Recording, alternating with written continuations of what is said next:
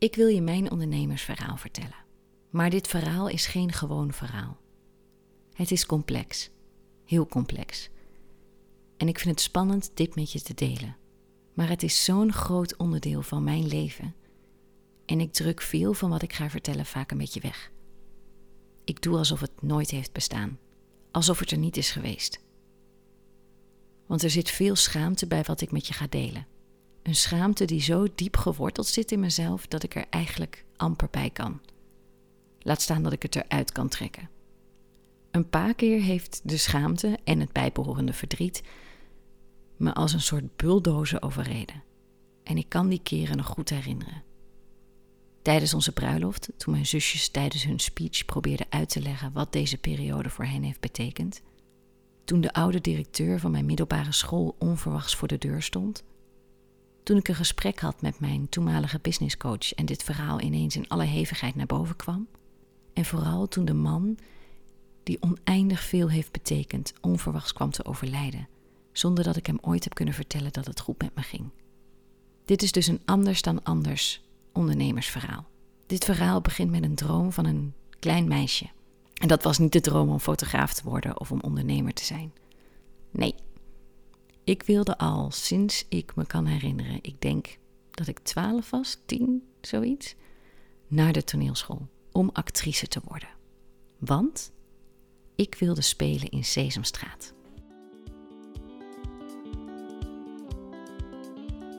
Leuk dat je luistert naar de Wianda Bongen podcast. Als je op zoek bent naar een verfrissende kijk op fotografie en het creatief ondernemerschap, dan zit je sowieso goed. Ik ben fotograaf, geef cursussen, mentortrajecten en ik krijg maar geen genoeg van persoonlijke ontwikkeling. Hier deel ik flarden uit mijn leven, mijn soms wat uitgesproken visie op fotografie en mijn leerweg als creatief ondernemer.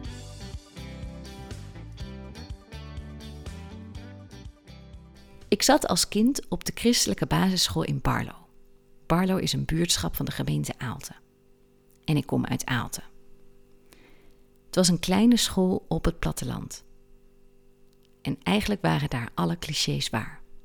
De helft van de school is familie van elkaar en iedereen kent iedereen.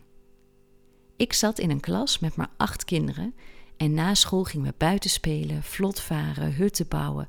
Of ik creëerde samen met mijn zusjes onze eigen bloemenwinkel vol onkruid. En mijn opa kocht trouw elke uur een bosje bloemen en thuis zette hij die netjes op de vaas.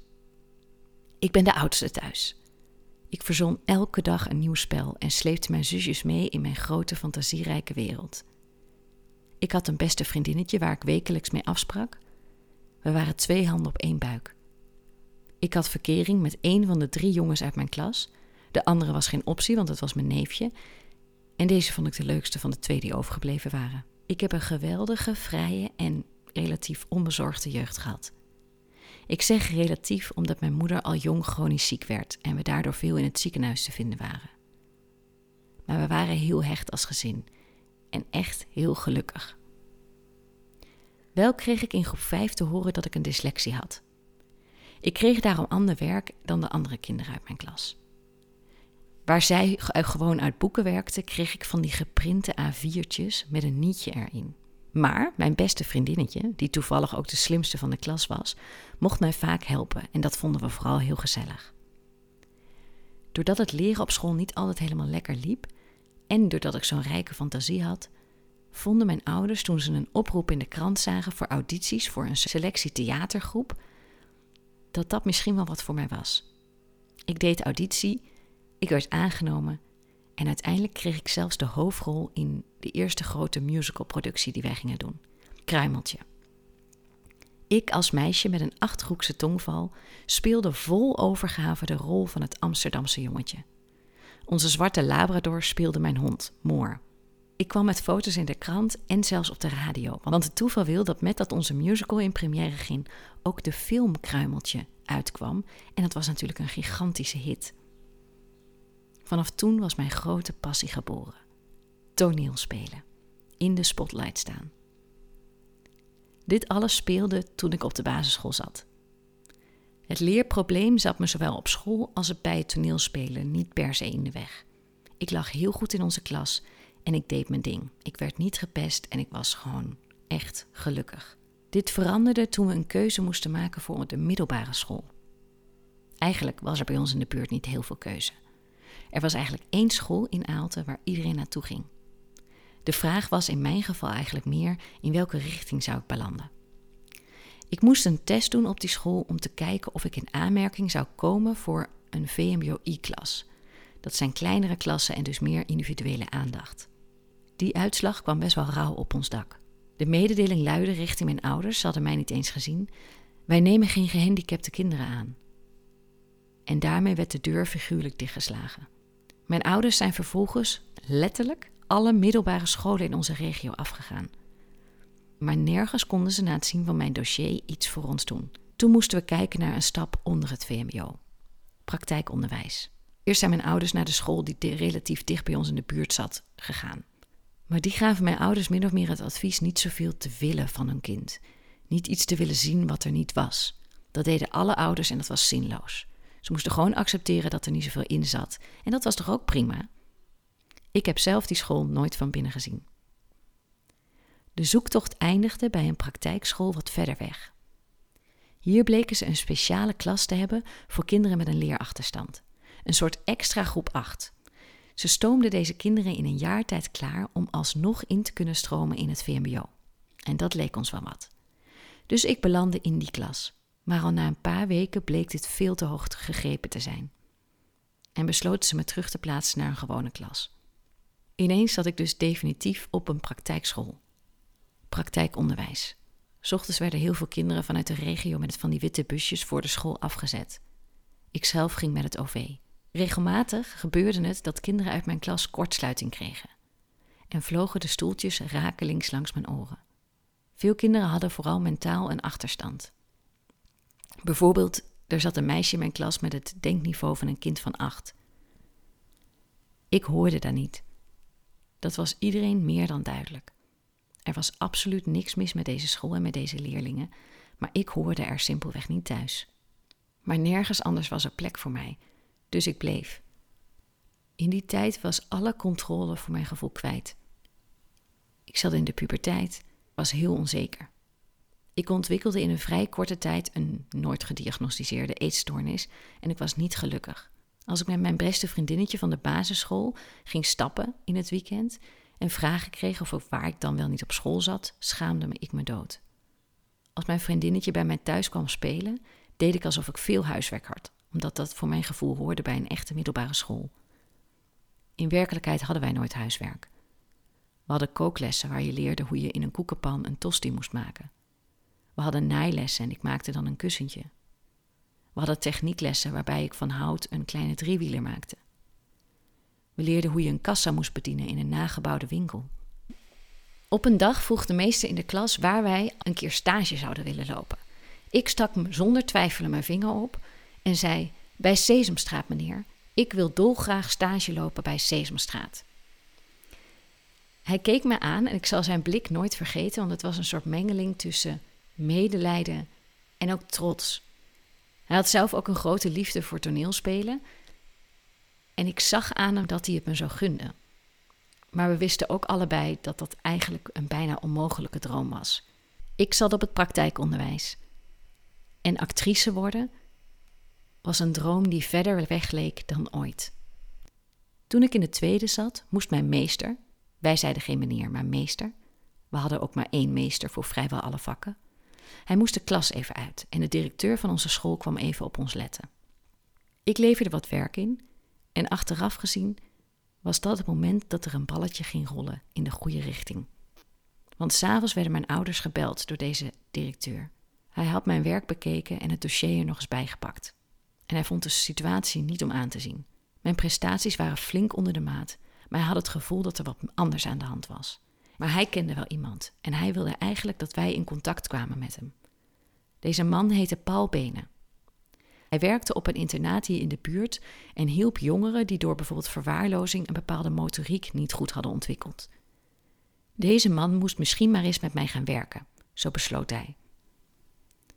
Maar je moet weten, zowel mijn ouders als ook ikzelf waren na jaren van heel veel onderzoek en heel veel testen behoorlijk sceptisch geworden. Maar goed, we wilden het wel een kans geven, want wat hadden we te verliezen behalve een stukje eigenwaarde en hoop misschien? Toen die Paul Benen een paar weken later de keuken binnenkwam, was ik wel gefascineerd. Ik hoefde niets te schrijven, ik hoefde geen dingen voor te lezen. In plaats daarvan gingen we verschillende lichamelijke oefeningen doen. En na afloop zei hij: Oké, normaal ga ik zes weken met iemand aan de slag en we kijken of we dan resultaat zien. Maar met jou wil ik graag een jaar lang gaan werken en daarna zien we wel. Wat een vrijheid kreeg ik. Wat een vertrouwen. Wij gingen akkoord en hij kwam vervolgens wekelijks bij ons thuis. Ik kreeg allemaal oefeningen die ik dan samen met mijn ouders, of soms met mijn zusjes als mijn ouders niet thuis waren, elke dag moest uitvoeren. En dat was een ramp. Het was elke avond strijd, huilen en frustratie. Paul Benen kwam ook op school en observeerde mij bijvoorbeeld tijdens de gymles of in de klas zelf. Het was een heel intensief jaar. En toen? Op een dag werd ik ochtends wakker en kon ik ineens uit het niets de tafel van acht opdreunen. En ik wist niet wat me overkwam. Ik ben meteen uit bed gesprongen, ik snelde naar beneden, want ik was bang dat ik het weer kwijt zou zijn. Ik dreunde voor mijn ouders één voor één de tafels op. En ook hen was het opgevallen dat ik steeds vaker straatnamenbordjes voorlas in de auto. En zelfs de Chinees in Aalte was al voorbijgekomen. Wang Sheng. Ze hadden dit bewust nog even stilgehouden. Maar wat was er aan de hand? Paul Benen legde ons vervolgens uit dat mijn linker en rechter hersenhelft niet goed hadden samengewerkt. Hij zei het zelf alsof ik allemaal laadjes in mijn hoofd had, waar ik alles wat ik had geleerd wel in opsloeg, maar vervolgens de sleutel kwijt was en dus niet meer bij die informatie kon. Nu vond ik één voor één die sleutels terug en kwam alles wat ik ooit had geleerd weer terug. En het bizarre is, voor zover dit tot nu toe nog niet heel bizar is, dat ik dingen die ik niet heb geleerd ook echt niet weet. Ik heb bijvoorbeeld op de basisschool nooit breuken gehad. En ik zag wel dat de andere kinderen in de weer waren met een appeltaart en stukjes, maar ik had dan andere oefeningen in mijn geprinte A4 uh, boek met een nietje erin. En ik deed dus niet mee. De tafels heb ik wel allemaal geleerd in groep 4.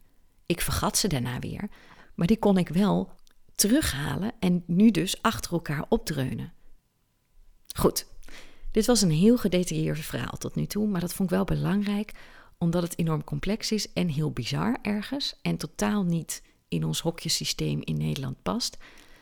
En ik wilde dat hier geen onduidelijkheden over bestond. Nu fast forward.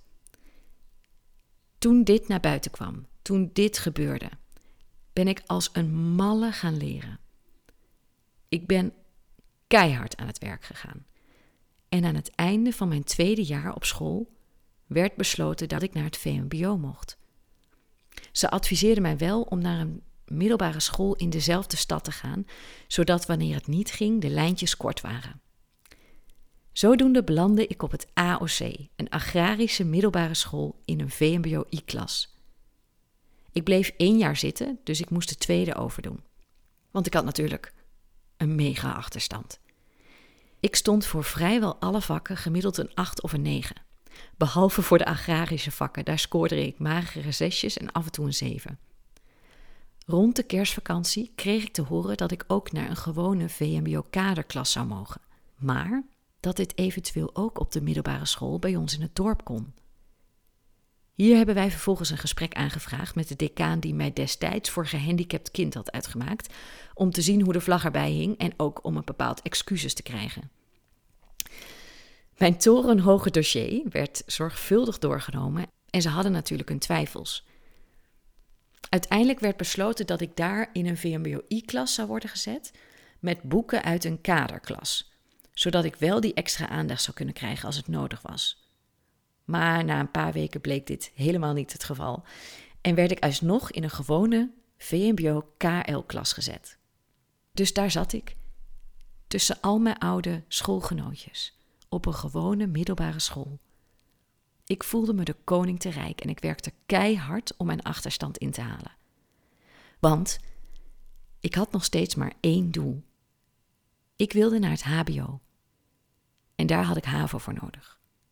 Mijn grote, onhaalbare droom bleek namelijk niet meer zo onhaalbaar. als ik naar de toneelschool wilde, moest ik dat HAVO-diploma halen. Dus daar ging ik vol voor.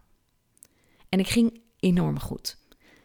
Dit niveau bleek te makkelijk, maar doordat ik natuurlijk binnen een jaar vier keer van klas was geswitcht en drie keer van school, wilden ze niet dat ik weer zou gaan switchen. Ik moest dus blijven zitten waar ik zat en vooral heel goed mijn best doen. Dus dat deed ik. Aan het einde van dat schooljaar, aan het einde van mijn tweede jaar, stond ik gemiddeld zo hoog dat ik in één keer door mag stromen naar 3 HAVO. Ik sloeg dus VMBO GTL over. Mijn droom kwam uit en dat was zo onwerkelijk. Ik ging naar 3 HAVO en ik kreeg een aantal vrijstellingen. Ik had bijvoorbeeld nog nooit Frans gehad. Maar dat vak moest ik eigenlijk nog één jaar gaan volgen. En dat mocht voor spek en bonen. Engels was een flinke punt van aandacht, want ik had nog nooit Engels gehad en ik had hier dus een hele flinke achterstand in.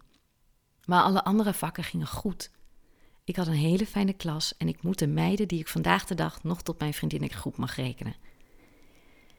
In mijn examenjaar ben ik uiteindelijk voor een paar weken naar Engeland vertrokken om een intensieve bijscholing te doen. En dat heeft goed uitgepakt. Want na drie jaar HAVO kreeg ik het verlossende telefoontje. Ik was geslaagd. In één keer en met vlag en wimpel. Er prijkte zelfs een 9,2 op mijn eindrapport voor geschiedenis. En toen lag de weg open voor mijn grote droom: de toneelschool. Maar om aangenomen te worden moet je verschillende auditierondes door, per school. Je hebt vier scholen in Nederland: één in Amsterdam, in Utrecht, Arnhem en in Maastricht. Dat eerste jaar werd ik overal keihard afgewezen. En uiteindelijk werd ik aangenomen op een eenjarige fulltime vooropleiding voor de toneelschool in Utrecht. Dus ik verhuisde naar Utrecht toe en had het jaar van mijn leven. Aan het einde van het jaar deed ik weer overal auditie en werd weer overal afgewezen. Na die afwijzingen verhuisde ik naar Leeuwarden, waar ik was aangenomen op de docent theateropleiding. Ik zat hier enorm goed op mijn plek, had een hele fijne klas en was echt heel gelukkig. Dus ik besloot het jaar daarna geen auditie te doen. Maar na anderhalf jaar begon het toch weer te kriebelen. Mijn grote droom was nog niet uitgekomen en ik wilde ervoor gaan. Ik besloot in januari van mijn tweede jaar daar te stoppen en me vol te gaan focussen op de audities die zouden komen. Maar wederom werd dat vier keer een nee. Keihard. Zonder opleiding zat ik weer bij mijn ouders. Ik zocht een bijbaantje en in juni deed ik nog auditie bij een filmacteursacademie in Amsterdam, FAAM. Dit was een particuliere avondopleiding en hier werd ik aangenomen. Ik besloot de zomer vrij te nemen, kocht mijn allereerste semi-professionele camera, een echte spiegelreflex, en ging in mijn eentje backpacken door Europa. Tijdens deze reis leerde ik mezelf de basisinstellingen. Toen ik terugkwam, begon ik in Amsterdam. Overdag werkte ik, ik had verschillende baantjes en s'avonds ging ik naar school.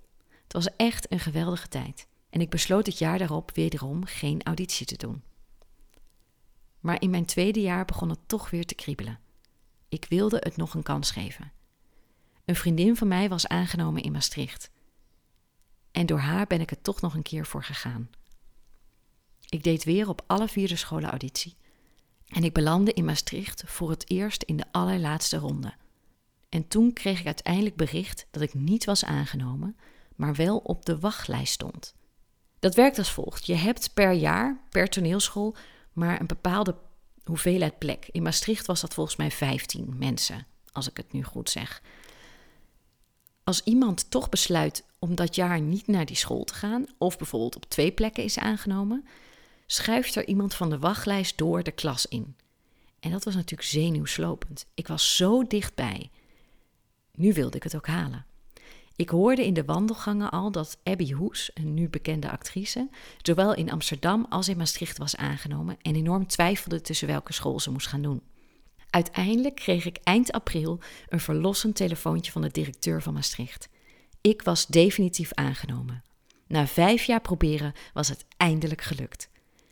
Tegelijk met dit geweldig grote nieuws kregen mijn huidige man en ik een relatie. En de timing kon natuurlijk niet slechter.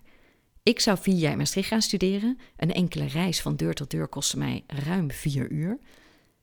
Maar ik heb het over mijn huidige man, zoals je hoort, want we hebben het overleefd en zijn nu al tien jaar dolgelukkig samen.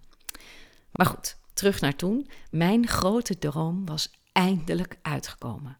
Ik zat op de toneelschool.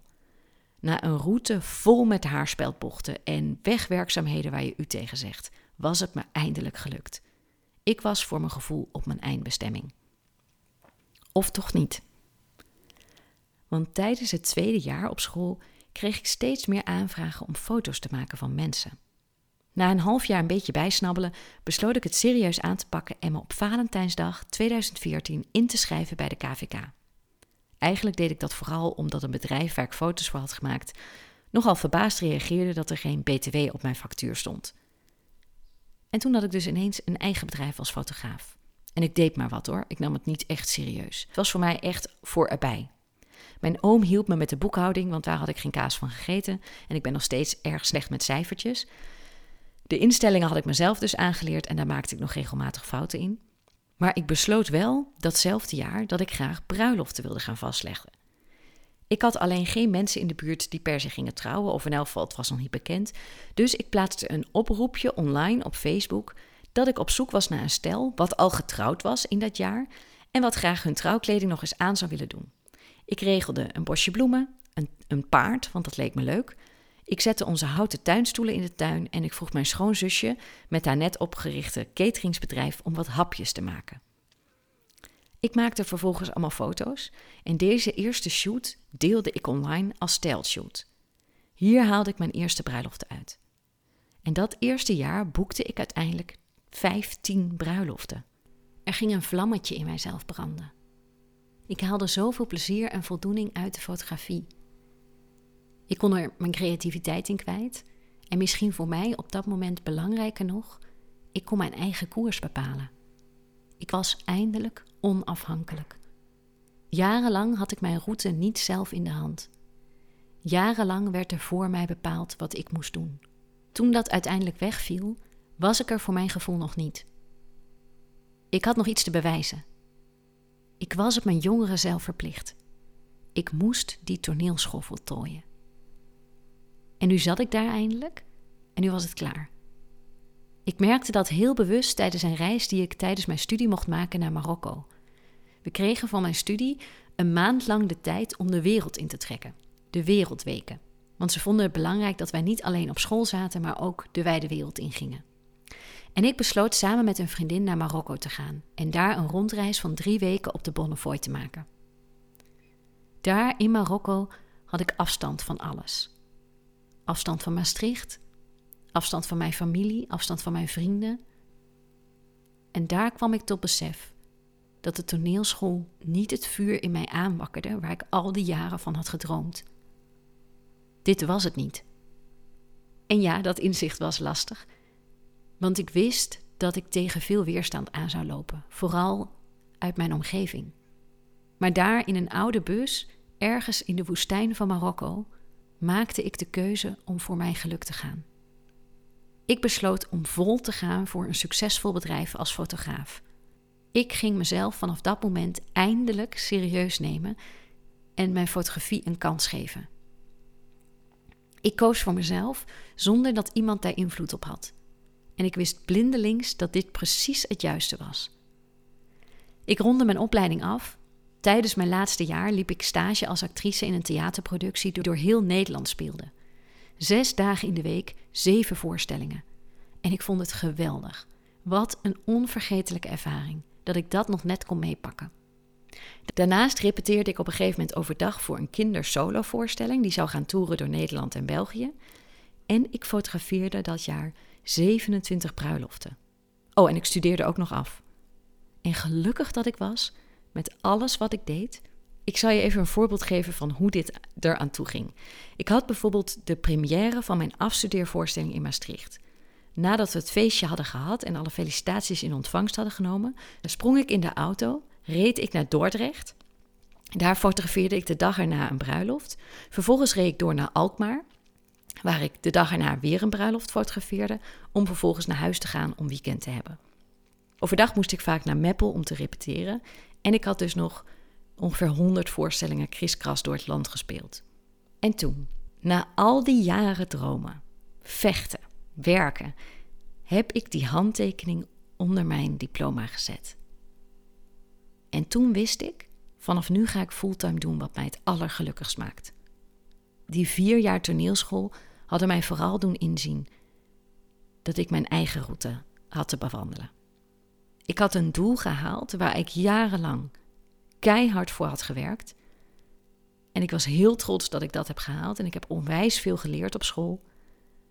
Maar het theaterwereldje maakte mij niet 100% gelukkig. Fotograferen deed dat wel. Die eerste winter speelde ik nog wel een kindervoorstelling in Nederland en België. Dus eigenlijk ben ik echt fulltime gaan fotograferen vanaf het voorjaar van 2017. En ik heb nooit meer achterom gekeken. Ik heb het nooit gemist. Ik heb nergens spijt van.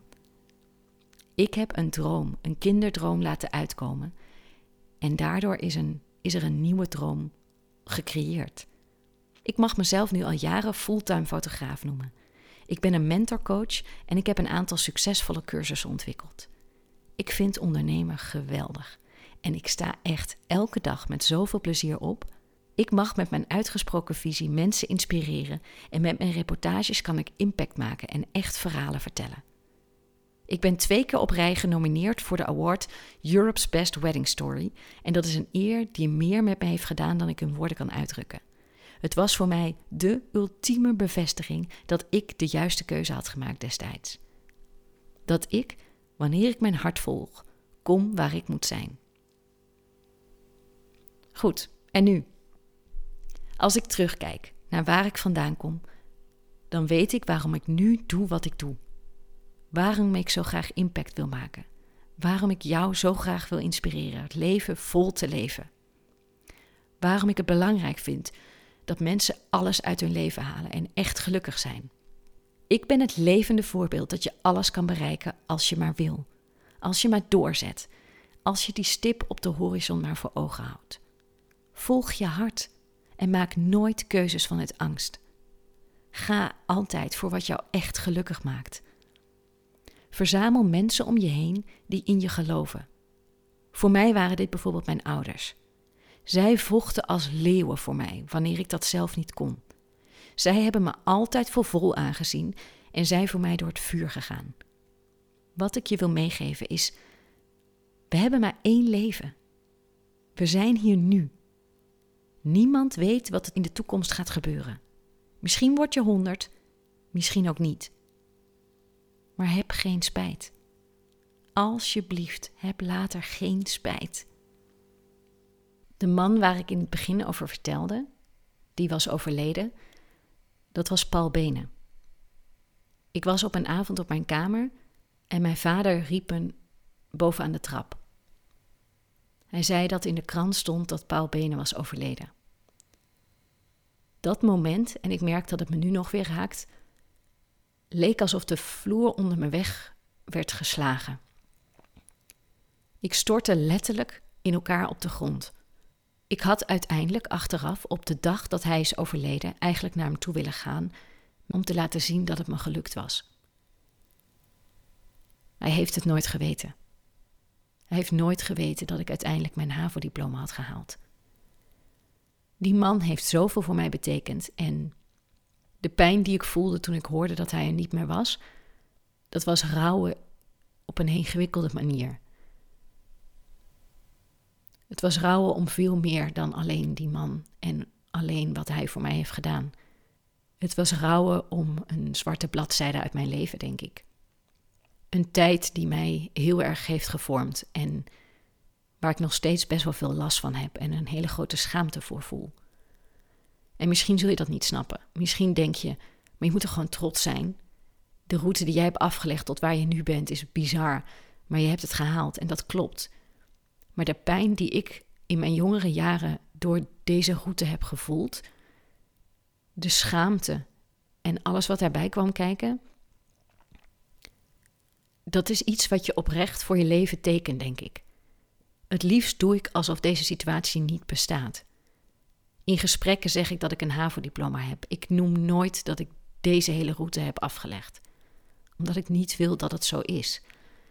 En ik kan dat niet goed uitleggen. Ik kan niet goed uitleggen waar die schaamte precies vandaan komt. Want als ik jullie nu dit hele verhaal vertel, dan denk ik, ja, waar schaam ik me eigenlijk precies voor? Want het is gewoon vooral een bijzonder verhaal. Maar voor mij is het echt een trauma geweest.